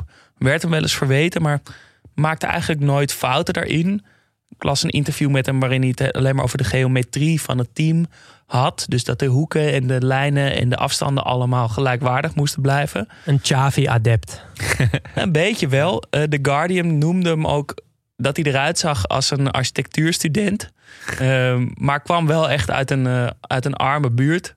Heeft eh, eigenlijk dezelfde opleiding gehad als alle andere Braziliaanse voetballers. Door gewoon heel lang eh, op pleintjes te voetballen. Ehm, brak door bij Sao Paulo. Ging toen naar Olympique Lyon, waar hij het Braziliaanse hart vorm- vormde met, eh, ja, hoe heet hij nou? Cachapa? Caçapa? Ja. Eh, en natuurlijk Juninho Pernambucano, die kwam later. Eh, hij kon naar Arsenal, maar kreeg geen werkvergunning. Wat ik raar vond, want ik dacht echt zeker te weten dat hij bij Arsenal had gevoetbald. Dat dacht ik ook. en ook een maar- typische Ar- Arsenal-Wenger-speler. Ja. Ehm, maar in plaats daarvan ging hij naar Barcelona. Waar hij eh, in dat elftal van Rijkaard nog de Champions League finale won van Arsenal. Dus maar goed dat hij daarheen is gegaan. Uiteindelijk wel. Ja, ja, of niet. Misschien hadden ze dan wel gewonnen. Ehm, maar daarna ging het door blessures minder en sloot hij zijn carrière af bij Villarreal, Zaragoza en Palmeiras. Brazilië dus door naar de achtste finale. Waarin ze het tegen de Belgen moeten gaan opnemen. En ondanks dat de Belgen in 2002 lang niet zo sterk waren als dat ze nu zijn, is Brazilië er niet gerust op. Eh, er wordt wel veel gescoord, er worden veel kansen gecreëerd. Maar Brazilië geeft ook veel weg. Dus dat is eh, aan de voorkant gevaarlijk tegen de Belgen. Ehm, als je kijkt naar dat team is toch wel... Ja, er gaan wel veel deurtjes open hoor. Bart Goor, Ja, Geert de Vlieger. Pensa, Timmy Simons, Geert de Vlieger. Eh, ja, zeker. Mark En, Wilmots. en dit, deze, ehm, deze wedstrijd is... Nou, een trauma is een groot woord. Maar in België wordt hier best wel eh, met, eh, met, ja, met verbittering op teruggekeken. Omdat... eh, eh, ze maken een doelpunt en ze komen dus eigenlijk op 1-0. Ze- Ja, 35e minuut. eh 35 Wilmots. minuut en ze, ze voetbalden eigenlijk heel lekker mee. Eh, ze eh, waren helemaal niet minder dan Brazilië. En inderdaad, Wilmot scoort. En nou ja, ik neem aan dat jullie hem ook hebben teruggekeken. Ik zie echt niet in waarom deze goal werd afgekeurd. Heel discutabel. Ja, nou ja, goed. eh, de scheidsrechters waren niet helemaal on point. eh, Wederom een argument voor de VAR. ja, nee, maar ehm, uiteindelijk eh, ja, wordt België moe. En eh, eh, wint Brazilië met 2-0. Maar daar was in, eh, in België met name over die afgekeurde goal heel veel over te doen. En ze missen ook een heleboel, echt 100% kansen. Gaat ook nog op de paal. Ja. Het zijn het. Ze spelen ook volgens mij echt heel goed, België. Ja, zeker. Ja, al met al eh, gewoon een, een, eh, ja, een klein traumaatje voor de Belgen. En eh, we hebben natuurlijk een, eh, een Belgische eh, medewerker. En eh, ja, die heeft er natuurlijk ook zijn, eh, zijn eh, ongezouten mening over. Kom er maar in, Paling. Hallo, Paling hier. 2K 2002. En dan nog de Brazilianen. Dan denken wij Belgen maar aan één ding. En dat is die kopbalgoal van Wilmots. Het was een terechte goal. Had nooit mogen afgekeurd worden. De Brazilianen lagen onder. En het had een heel andere match geweest als wij op 1-0 waren gekomen. Hadden een idee ook om een Jamaicaanse arbiter, Pieter Prendergast, aan te stellen voor zo'n belangrijke wedstrijd. Uiteindelijk hadden de Belgen dus in de volgende ronde moeten staan en niet de Brazilianen. Groetjes. Ja, Pieter Pendergast. Ik denk dat hij is gekozen vanwege zijn naam. Prachtige naam, slechte scheids. En eh, excuus voor het zout in de wonden van al onze Belgische luisteraars. En dan met name Paling. Hij klonk ook een beetje down nog steeds. Ja, hij- ik denk dat hij er weer helemaal in zat. Ja, ik snap het wel. Het, maar- was, het was ook echt geen overtreding. Het was geen overtreding. En de Belgen hadden het goed voor elkaar. Ja, en eh, dan kom je op een van mijn favoriete voetbalclichés. Ja, kijk, als je die 1-0 maakt, heb je een heel andere wedstrijd. Wat Maar- Paling ook al zegt. Ja, maar ik denk ook wel echt dat, Ja. hij, dat hij daar gelijk in had. En daarna Ja. missen ze ook zo ongelooflijk veel opgelegde kansen op de paal. En in een open, voor open goal schiet hij hem in het zijnet. En, Ja. eh, ja, ja, ze hadden wel echt een kans. Ja, zeker. Maar uiteindelijk is het dan toch eh, ja, Brazilië wat aan het langste eind trekt. Met, eh, met een goal 1-0 van Rivaldo en eh, een 2-0 van Ronaldo. En The Guardian heeft toen de tijd een soort van live blog bijgehouden. ehm, waarin ze per minuut vertellen wat er die wedstrijd gebeurde. En dat hebben ze echt op een ongelooflijk leuke manier gedaan. En dat is nog steeds allemaal terug te lezen. Ehm, over die goal van Ronaldo, eh, sorry, over die goal van Rivaldo zeggen ze bijvoorbeeld dit. An absolute peach from Rivaldo. He chested down across on the edge of the box, juggled it once on his foot, with back to goal, turned and shot with his left. It took a slight deflection and the vlieger didn't even see it as it fist passed him into the net. Heerlijk omschreven. Ja. Ehm, maar ze deden dat dus ook in de tiende minuut al toen Roberto Carlos een vrije trap mocht nemen. Roberto Carlos takes the free kick en, as usual, doesn't score. Over de bar. en toen moest ik trouwens ook wel een beetje denken van welke vrije trappen ken ik nou van Roberto Carlos die erin zijn gegaan. Ja, twee. Ja, misschien heeft hij er echt maar een paar gemaakt in zijn carrière. Maar denkt iedereen nog steeds dat hij een fantastische vrije trap Ik had. denk, ik denk dat hij blij is dat er toen nog niet echt statistieken werden Ja, gehouden. Dat gevoel want heb ik ook want een die beetje deden het nu. ze wel vaker eh, tweede ring gingen dan eh, daadwerkelijk tussen de palen. Ja, Nou goed, hij gaat er hier wel in. eh, tegen China ging hij Ja, dat ja, zeker. dat is zeker Dat was ook wel echt lekker. En dan nog heel even, sorry Paling, in de 25e minuut eh, probeert Wilmots te scoren met een omhaal. En daar zegt The Guardian het volgende over. Wilmots tries an overhead kick. If Rivaldo can't pull it off, I don't know why some uppity Belgian no mark, that sarcasm by the way, is bothering to try. ja, heerlijk. Prachtig. Wederom ook weer compliment naar The Guardian. Want ook in het onderzoek naar deze wedstrijden en de spelers... kom ik zo vaak op goede artikelen van hun... en dit soort eh, heerlijke juweeltjes. Ja. De Brazilianen zijn door. En dan de match tegen Engeland.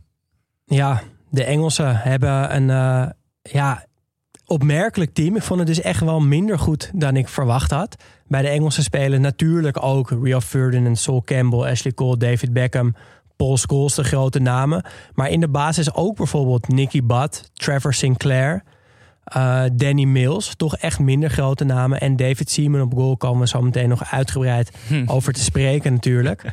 Ehm, ja, 0-1. Dat was ik een beetje vergeten. Maar Engeland komt gewoon op voorsprong. Weer een fout van Lucio. En Owen kan alleen op de keeper af. En ja, scoort met een, eh, met een klein stiftje. 0-1. Ehm, dan wordt het vlak voor rust wordt het 1-1 door Rivaldo. Ehm, Ronaldinho stond op met een van zijn befaamde dribbles. Hij kan links afreggen op Ronaldo en rechts op Rivaldo. En dit gegeven vind ik al zo lekker, omdat je dan dus een linkspoot aan de rechterkant hebt en vice versa. Dus als Ron- Ronaldinho hem goed breed legt, zo'n klein beetje in zijn loop, kan je hem gewoon lekker zo binnenkant voet lange hoek krullen. Hoef je er alleen maar tegenaan te lopen. En dat is dus ook wat eh, Ronaldinho doet. Die geeft hem eh, perfect naar rechts, naar Rivaldo. En die eh, krult hem laag, lange hoek binnen. En die trekt dan zijn shirt uit. En dan dacht ik, oh ja, tuurlijk. Eh, Dat, dat strakke, eh mouwloze, gele ondershirt van Rivaldo. Ook zo'n Met iconisch dat beeld. blauwe shirt eh, in deze wedstrijd voor het eerst erover. Ja, het blauw-witte Braziliaanse uitshirt ook heel mooi. Ehm, vlak voor rust dus de 1-1. En dan in de 50ste minuut mag Ronaldinho aanleggen voor een vrije trap. Ja, en dan stellen we ons natuurlijk de vraag bij die goal: was het een voorzet of was het een schot? Een schot. Hoe ging hij erin? Omschrijf eens.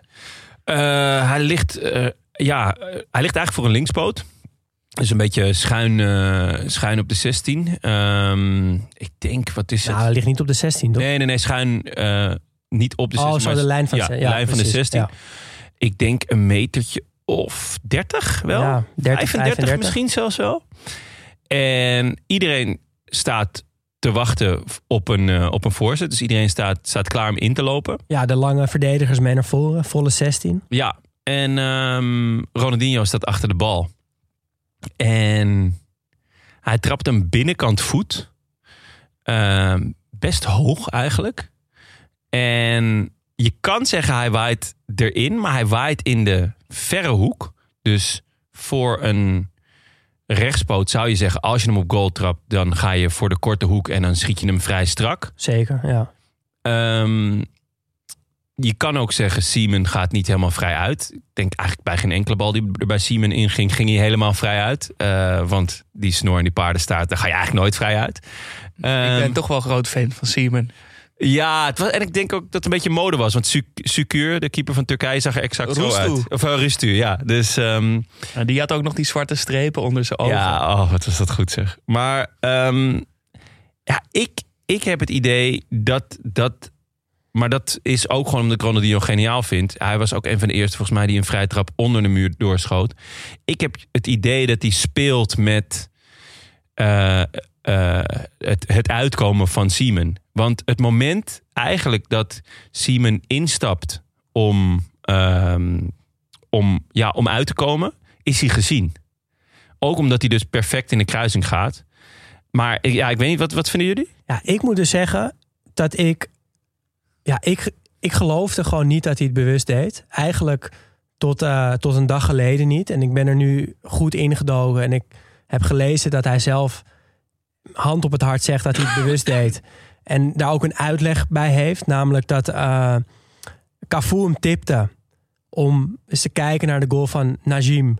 Zaragoza Arsenal finale eh Europa Cup 2 die we een aantal weken geleden Ja. bij afstandsschoten hebben besproken. Hoe die een bal over eh Siemen heen schoot. Eh Siemen keept ver voor zijn goal. En ja, Tadinho dus daarnaar geluisterd heeft. En die bal dus bewust zo binnen heeft geschoten. En dat met het feit dat hij dat zelf dus ook zegt. Ik deed het bewust. Ja, Moet ik hem wel geloven. Maar als ik naar, ernaar kijk, dan denk ik gewoon dit is niet bewust. Ja, en ik denk dus, mijn theorie is dus dat de waarheid ja, een beetje laf ertussenin ligt.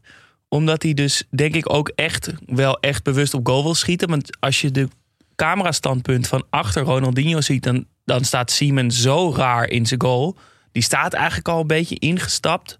Eh, alleen die staat dus wel helemaal voor Ronaldinho links. En hij schiet hem uiteindelijk in die hoek. Dus mijn theorie is een beetje dat hij wel op goal wil schieten, maar eigenlijk wat jij ook zei, in de korte hoek. Want ja, je, zijn lichaam staat gek ook. En daardoor maar heeft hij, ge- ja, waait die bal in de linkerhoek. Ja, maar Gelukkig in de kruising. door hem zo te schieten als hij nu doet, lijkt het heel lang een voorzet. Dus die split second die, die eigenlijk nodig heeft om te bedenken van oh shit, hij gaat op goal. Dat verliest hij ermee. Of dat, dat wint Ronaldinho ermee en het verliest Seaman ermee. Want Seaman heeft gewoon, he never saw it coming. Ja, Toch? Terwijl die recht op hem afkomt eigenlijk. Ja, maar als je dus het als je ehm, maar twee opties in je hoofd hebt, namelijk er komt of een voorzet of hij pakt hem in de korte hoek, eh, dan en er komt ineens een derde hond in het kegelspel, dan kan ik me voorstellen dat je dusdanig verrast bent dat je het gewoon dat je het gewoon niet begrijpt. En zo'n type speler is Ronaldinho. Die, Ja. die deed het- dingen het- het- die, die je niet begreep. Ik vind het een mooie theorie. Dank je. Ja, en het mooie vind ik ook dat, dat. Kijk, nu kunnen we met alle kennis achteraf zeggen van ja, dit paste bij Ronaldinho. Maar dat wisten we toen Nee. nog niet. Want Nee. hij was 21 jaar toen. Ehm, had net zijn eerste jaar in Europa erop zitten bij Paris Saint-Germain, die hem gekocht had van Gremio. Na een heel goed optreden in de Copa America een, eh, een jaar eerder. Ehm, hij had naam gemaakt, zeker in Brazilië. Hij was klaar ook om Europa te veroveren. Maar hij koos dus voor Paris Saint-Germain. Niet voor Arsenal, Dortmund, Real, Barça, Inter. Die hem ook allemaal wilden hebben, maar voor Paris. Om in de relatieve luwte, want wat Paris nog was geen toen- topclub. Ja, nog Nee. geen topclub. Om daar te wennen aan het voetbal eh, in Europa. Maar ook om dus die plek in de Seleção vast te stellen. Want hij wist ook, als ik naar een absolute topclub ga... ga ik misschien niet alles spelen. En dat moet wel. En Parijs ook geen onaangename stad. Zeker niet. Zeker Heel leuke niet. tentjes, goede clubs. Ja. Ook niet onbelangrijk. Dat is ook niet om. En, en hij mocht gaan spelen met eh, Anelka en JJ Okocha. Ehm, maar het, het raar is eigenlijk dat juist toen die twee weggingen. eh, in de winter van zijn eerste jaar. Pas toen kwam Ronaldo op stoom bij Paris. Want in begin, Ronaldinho. eh, sorry, ja. Ehm, Ronaldinho eh, hebben, we het over inderdaad. Ehm, Zo, is Ronaldinho. ah, Dinju. En Fredge. Ja. Ehm, want Ronaldinho verpieterde eigenlijk in het eh, eerste half jaar op de bank. Speelde weinig en als hij speelde was hij niet goed. Maar toen Okocha naar de Afrika Cup ging in de winter... en Anelka naar Liverpool transfereerde... kwam er ruimte voor Ronaldinho. En ja, die ruimte pakte hij. En Ronaldinho kwam precies op tijd in vorm voor het WK. Ehm, en toch was het nog een beetje de vraag van... Ja, welke Ronaldinho zou het grote publiek op het WK te zien krijgen? Wordt dat de versie uit de eerste seizoenshelft van Paris of uit de tweede? En het werd dus echt de goede Ronaldinho, de Ronaldinho zoals we hem nu kennen. Uh, hij maakte dit toernooi definitief naam op het, op het wereldtoneel. En vooral in deze wedstrijd, gewoon als het er echt om gaat, staat hij op. Want in de elfde minuut geeft hij Scholes al een panna, zijn directe tegenstander. In de 47e minuut verovert hij de bal van Scholes en geeft hij dus die assist op Rivaldo. En dan ook nog die vrije trap waarvan hij dus zelf zegt, en wij drieën nu ook gewoon, dat was bewust. Ja. Ja, En- en, ja, sorry. Ja, de Ronaldinho zoals we hem nu kennen, is toen geboren, denk ik. Ja, helemaal mee eens. Ik moet zeggen, ik, ik, ik heb al die samenvattingen terug zitten kijken. Ik vond hem ook al heel erg opvallen in de wedstrijd tegen China. Die 4-0. Ging het er natuurlijk wat minder om. Maar dan scoort hij, geeft hij assist, geeft hij ook panna's, hakjes, dansjes. Aannames langs de lijn. Heerlijk. Eh, maar dit hier is natuurlijk in het eerst echt vol in de Ik, schijnwerpers. ik weet nog dat ik... Want ja, de Franse competitie inderdaad, Paris Saint-Germain was... Ja, eh, keek ik echt nooit. Ik wist dat die club bestond, eh, want ik had er een shirt van. Maar het was echt niet dat er wedstrijden uit de Franse competitie werden uitgezonden. Zelfs Eurogoals liet ze volgens mij nog wel eens links liggen. Maar dus ik kende hem eigenlijk helemaal niet. En toen was hij daar op dat toernooi en deed hij dingen ja, waarvan we tot, ze tot, tot dan toe alleen nog maar op straat hadden gezien. En hij deed het met zo'n flair en zoveel plezier. Eh, maar ook nog eens met, in combinatie met dus eh, doelgerichtheid, assist, goals. Dat ik echt dacht van, wow, wie is deze gast? Naast natuurlijk dat hij echt zo lelijk als de nacht was. Nou, ik vond hem eigenlijk wel vetter uitzien, moet ik eerlijk Ja, hij zeggen. zag er wel vet uit, Ja. maar het wel als een soort van, nou ja, ja, een, een eigen look. Een, ja, het had een heel eigen look, ja. Ik had wel zoiets van, ja, misschien toch, toch een keer die chromosomen tellen. Maar ja, ja 2-1. En ja, Engeland was wel echt goed, vond ik, deze wedstrijd. Of tenminste in ieder geval gelijkwaardig aan Brazilië. hebben ook nog grote kansen. Moeten er ook nog eigenlijk gewoon een pingel krijgen in de laatste minuut. eh, door eh, Beckham versierd. Ehm, maar ja, ja Over iconische kapsels gesproken. ook ja.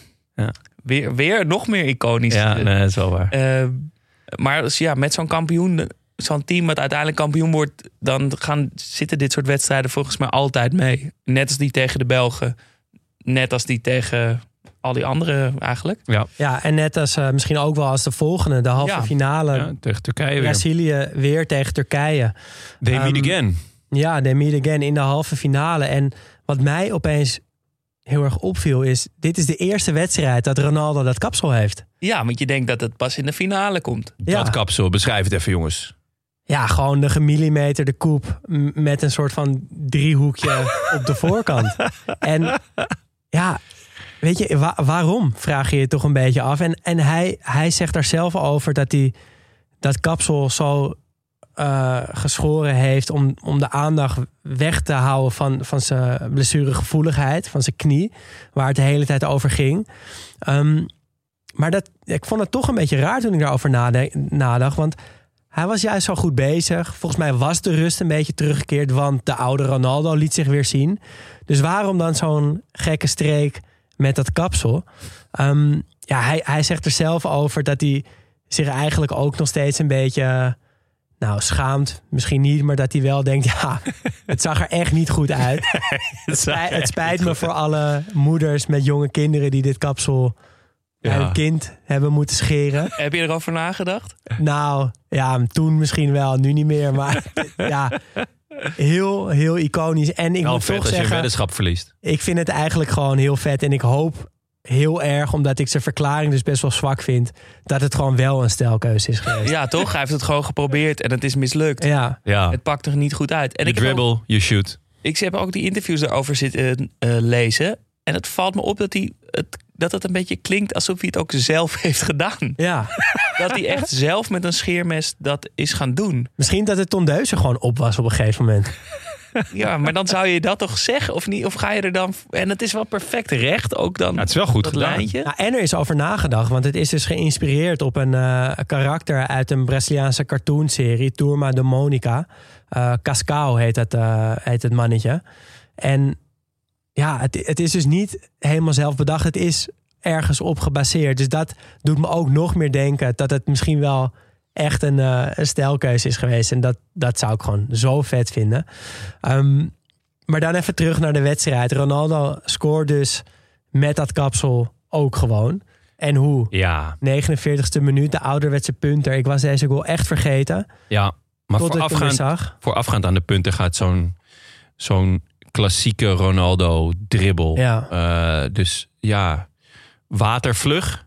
Hoe hij die bal van zijn rechter naar zijn linkerbeen brengt. Hij draait weg bij zijn tegenstander. Vervolgens, ja, eh, recht naar, eh, van rechts naar links. Gaat hij nog langs iemand en hij puntert hem eigenlijk omdat de bal een beetje onder hem ligt. Ja, Puntert hij hem cross in de verre. ja Roestoe moet hem eigenlijk hebben. Gaat niet helemaal Ja, vooruit. maar maar, zit ik een beetje inkt in zijn oog. ja, Dus hij kon het niet goed zien. Maar ik, vond het, ik vind het zo'n mooie goal. Ja, Echt, eh, die punter is, is ook zo mooi uitgevoerd. Ja. Ja, en eh, ja, misschien is hij dus ook wel echt beter gaan voetballen, toch, door dat kapsel.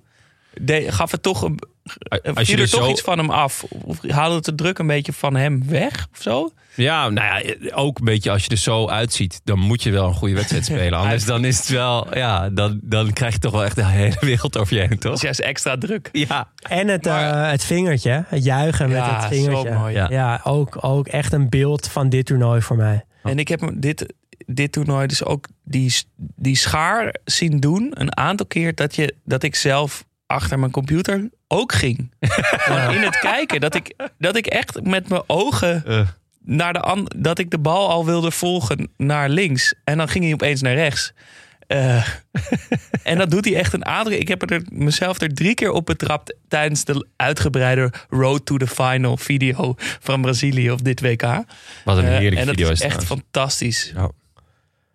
Ja, ze zijn dus door naar 1-0. de, naar de finale. Ja. Even een korte tussenstop bij de troostfinale is toch ook Ja, heel even het vermelden waard. zeker. Want dat is wel voor mij een, een beeld wat, wat op mijn net eh, vlies ge- gebrand staat. Eh, Zuid-Korea tegen Turkije. Zuid-Korea was inmiddels uitgegroeid tot een soort revelatie, tot een publiekslieveling.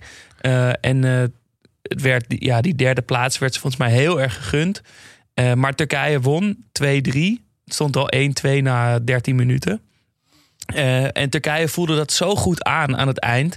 Dat ze met al die ja, een beetje wereldvreemde Zuid-Koreaanse voetballers. die nog nooit op zo'n hoog niveau onder zoveel aandacht hadden gevoetbald. eh, daar opeens stonden. En dat ze met z'n allen hand in hand. een beetje om en om dat veld overgingen om de fans te bedanken. Ja, vet. Echt een mooi beeld. Met Hakan Sukur, de grote man, eh, voorop. Ja, dus bijna verexcuseren. Ja, eigenlijk wel. Ja, mooi. Beetje sorry dat we van Zuid-Korea hebben Ja. gewonnen. Ja. Ik kan me ook herinneren dat die, de- dat die teksten, de balkjes eh, tijdens de wedstrijden ook in het Koreaans en in het Europees stonden. Af en toe zag je zo'n Koreaanse tekst. En Ja? Als je hier in Nederland bedoel je die volgens wedstrijd mij keek? wel. Ja, Ja? Het is wel een soort iconische beelden. Tenminste, het kwam me zo bekend voor toen ik het eh, nu allemaal terugzag. Was ook allemaal in het Koreaans. Ehm, ook heel irritant, want dan wil je net zien in welke minuut het is. Maar nou ja. Ah ja, De Dan finale. de finale. Ja, Duitsland. Ja, alles is iconisch aan deze wedstrijd. Echt alles. Pierluigi Collina is de scheidsrechter. Ja. En Brazilië met dat gele Scorpion KO eh, eh, shirt. En Duitsland in het wit. En Ronaldo met dat haar. En die zilveren kiksen toen. En Kaan op goal. En Klose in de spits. En alles klopte of zo. Ja, en waar, waar ik ook bij deze finale altijd aan moet denken, is, is ja, toch aan Kleberson. Misschien iets minder iconisch, maar Ja. wel de Braziliaan met de beugel die opeens op een WK-veld de finale stond te spelen. En goed ook. En goed ook, ja. Miste een kans op 0-0 nog. Schiet daarna nog op de lat. Ja, mooi schot. Ja, en ik, ik ken Kleberson eigenlijk vooral van die foto waarop Alex Ferguson trots met twee nieuwe aanwinsten aan zijn zijdes eh, op Old Trafford op het middenstip staat. Aan de, aan de rechterkant Kleberson en aan de linkerkant Cristiano Ronaldo. Je kent hem wel, de, niet de echte Ronaldo. Ehm, allebei volgens mij nog met beugel. In ieder geval allebei heel onwennig. Een heel groot shirt hebben ze ook allebei aan, waardoor ze er als twee kleine jongetjes uitzien. En Ronaldo heeft dan ook nog eens een soort hele vrouwelijke broek met wijde pijpen. Ja, Ehm, Versace shirt. in dat Versace shirt, ja, met die, met die kleurtjes en Ja. zwarte mouwen. eh, en die kleine blonde krulletjes. En daarnaast staat dus een hele ja, onhandige puberjongen met een beugel. En dat is dus Kleberson, die wel mooi deze finale speelde. Eh, maar het lukte in tegenstelling tot ja, Cristiano Ronaldo eh, niet. Hij vertrok na 20 invalbeurten naar Besiktas. Speelde een prima seizoen, maar keerde toch terug naar Brazilië. En is dus een van die spelers die volgens mij niet alleen dit team van Brazilië, maar eigenlijk bijna alle Seleçao's wel hebben. Namelijk zo'n speler die wij eigenlijk niet kennen in Europa. Die lekker in Brazilië speelt of Ja. een beetje onder de radar blijft. Ehm, Ja, ik, ik, ik heb altijd een beetje het idee. Ik heb ook eh, met een eh, Braziliaan gewerkt, ooit lang geleden in de keuken. Dani, je bent er geweest. Ik heb ook nog wat familie in, eh, in Brazilië. Eh, je hebt daar een begrip saudade, Saudade. saudade. En dat ehm, is heel moeilijk te vertalen. Niemand weet echt precies hoe je dat nou vertaalt. Het komt uit het Portugees. Ehm, het beschrijft een mengeling van verlies, gemis, afstand, liefde. heimwee. Ja, in het Nederlands wordt het vaak vertaald met heimwee, melancholie of weemoed. Maar ehm, in een onderzoek van Today Translations, waarin meer dan duizend linguisten eh, hier hun eh, hoofd over hebben gebroken, werd saudade op de zevende plek van de moeilijkst vertaalbare woorden ter wereld geplaatst. Het stond één plaats lager dan een Nederlands woord. Hebben jullie enig idee? Gezellig. Ja, Gezellig. gezellig. Nou, eh saudade is zeker niet gezellig. Want ik heb altijd het idee bij Brazilianen dat... Ja, ze hebben het altijd over Brazilië en over hoe mooi het daar is en hoe, hoe dierbaar het daar is. En ja, veel, veel jongens kunnen hier toch ook gewoon echt niet aarden. Behalve, las ik in een, eh, in een interview, Douglas, kennen we nog wel, van Twente. Van Twente. Als hij dus in Brazilië is, heeft hij dus saudade naar Enschede. Ja, dan vind ik je geen echte Braziliaan hoor. Ik vind het een prachtig compliment naar Enschede. Ik vind het, vond het echt schitterend. Elk Brazilië heeft volgens mij wel een Nilmar, eh Luis Fabiano, Oscar, Fretch, Polga, Edilson, Juan, Ricardinho. Ga zo maar door. Ja. En dat maakt het toch altijd wel leuk. Want je denkt dat het altijd een team vol met sterren is. Maar er zit toch altijd wel een tropische verrassing eh, tussen. Ja, en in dit team dus eh nou, 12 spelers nog uit de eigen competitie. Dat is echt veel. Ehm, maar even terug naar de finale en terug naar Ronaldo. Want het wordt echt de finale van Ronaldo. In de 67e minuut eh, schiet Rivaldo randje 16 heel los uit de heup. Eh, Kaan moet lossen en Ronaldo is daar als de kippen bij om de 0-1 aan te tekenen. Ehm, en dan ja, iets meer dan eh 10 minuten later maakt hij de 0-2. En daar komt wel echt een boel samen. Het eh, overstapje van Rivaldo en het ijzige, beheerste, mooie afmaken van Ronaldo. Binnenkant voet, lange hoek. Ja, en, en het doorkomen en een, en een lage voorzet van wie anders dan Cafu. Ja, Vond je niet dat hij eh, hem had moeten geven op, eh, op Rivaldo? Na, Nee, dat, nee, na nee. dat overstapje? Nee, Nee. het was zijn dat wedstrijd. was echt zijn wedstrijd. In die halve finale begint Ja. het al te groeien. Maar dat, het, toch, je hebt het idee dat alles in zijn werk is gezet om hem naar dit moment te stuwen. Hij moet het doen. Er worden allemaal grote kansen ook gemist. Ook door hem, hè, de eerste Ook helft. door hem. Ja. Maar het moet gewoon zo zijn, volgens mij. Het staat echt in de sterren geschreven dat dit zijn finale wordt. Ja, maar het was ook. Er lag zoveel druk op hem.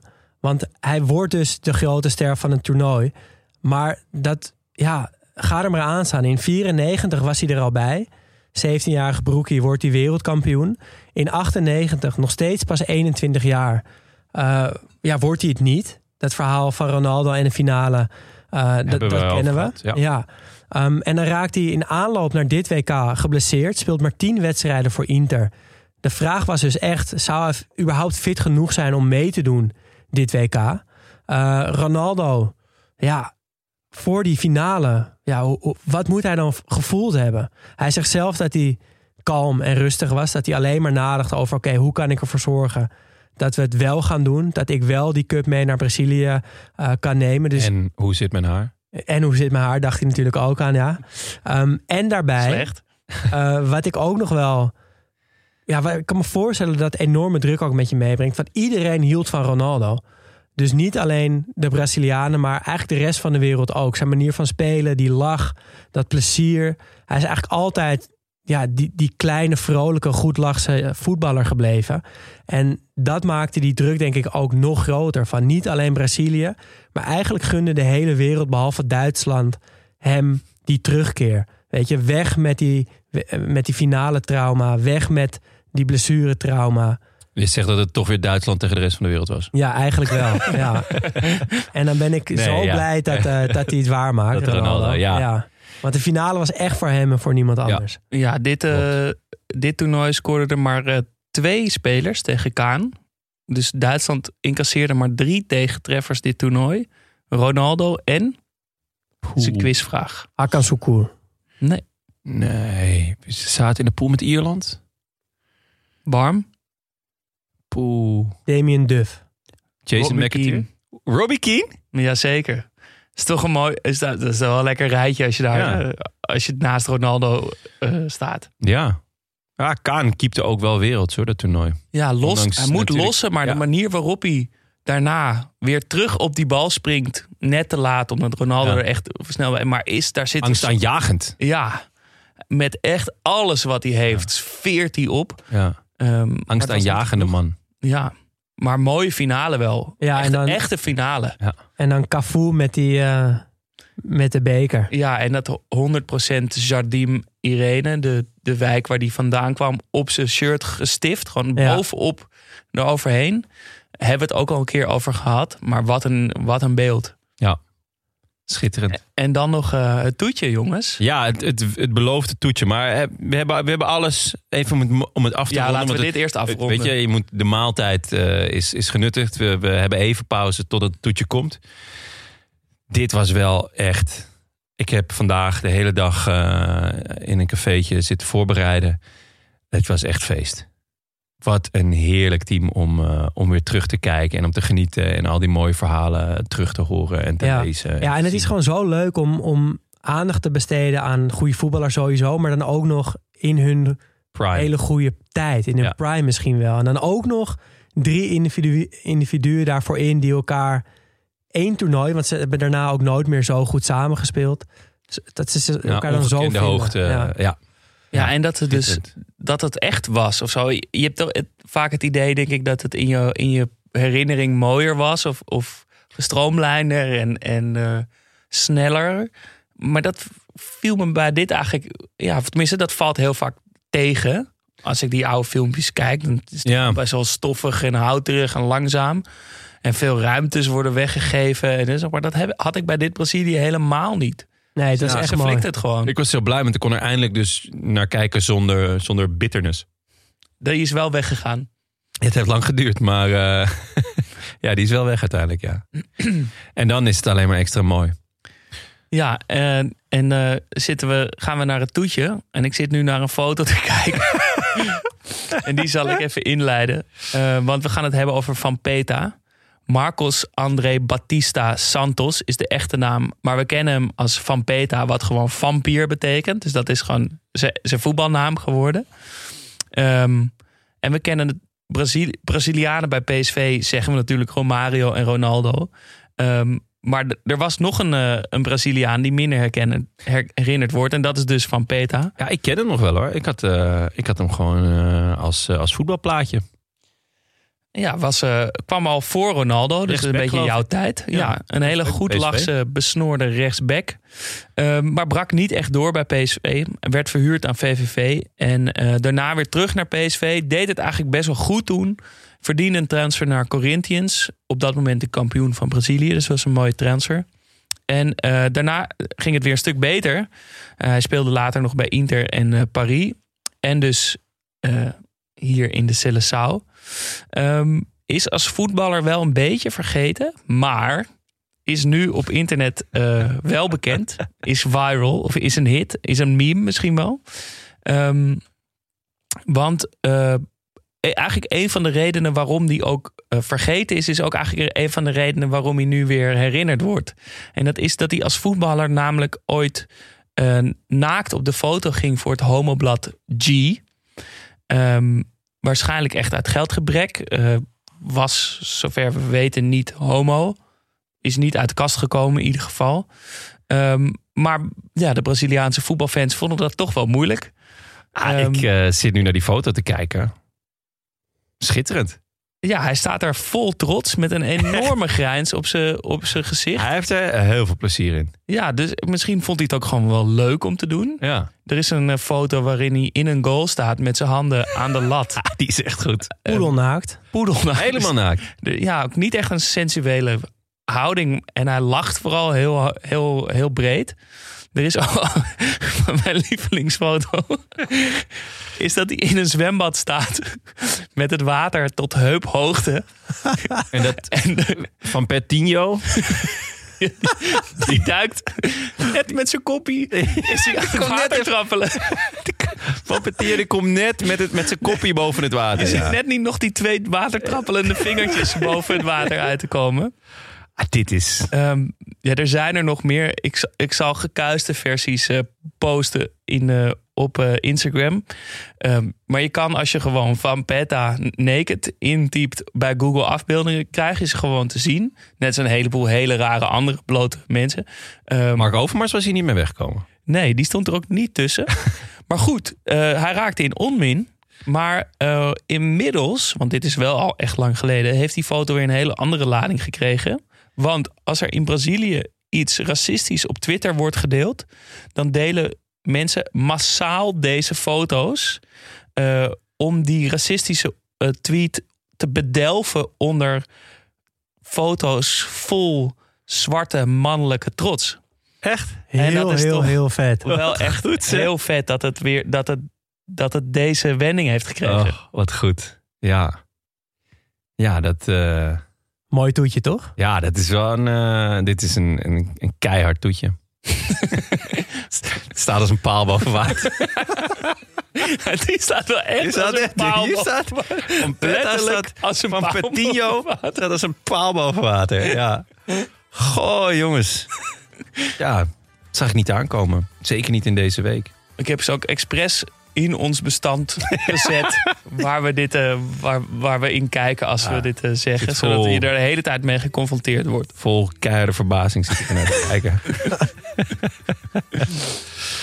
Goed. Nou, Heerlijk, mooi. eh, mannen. Dankjewel. Mooi, fijn, fijn toetje. Ehm, tot slot, nieuwe vrienden van de show. Onze oproep van vorige keer, een beetje wanhopig natuurlijk, maar dat, zo zijn we. hebben we opgeroepen en dat heeft jullie geïnspireerd. Ehm, we hebben vijf eh, nieuwe, nieuwe vrienden. Eh Gustaaf van Moorsel. eh Niek Dijkman, Hein, Marnix TH en Swahili Boy. En dat is net op tijd, want volgende week geven we dus twee eh Studio Socrates meets Klabu shirts weg. Ja, en word dus nog vriend van de show voor volgende Ja. week dinsdag. Dan maak je ook kans om zo'n shirt toegestuurd te krijgen. Verder kan je natuurlijk onze oude afleveringen eh, luisteren. We, we noemden al een paar, eh, paar keer verwezen we naar vandaag. Want we, een aantal van de onderwerpen eh, kwamen al langs in oude afleveringen. Ehm, nou ja, het Feyenoord dat de UEFA Cup won, maar ook Frankrijk van Zidane in 2000. Daar stipten we ook al wat aan. Of natuurlijk de transfer die nooit eh, getransfereerd werd. Totti, die de Scudetto won met Roma. Ehm, nou, dat was hem. Dat was hem, dankjewel. Ja, schitterend. Studio Socrates wordt mede mogelijk gemaakt door Dag en Nacht Media. Wil je meepraten? Dat kan. Laat een bericht achter op vriendvandeshow.nl slash Studio Socrates of via Instagram studio-socrates. Mailen kan trouwens ook.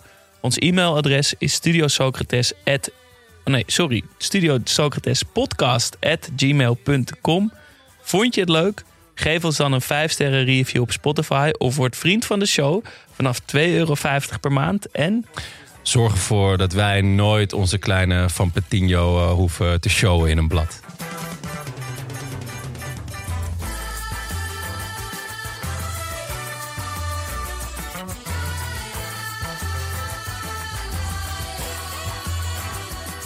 A beleza é você,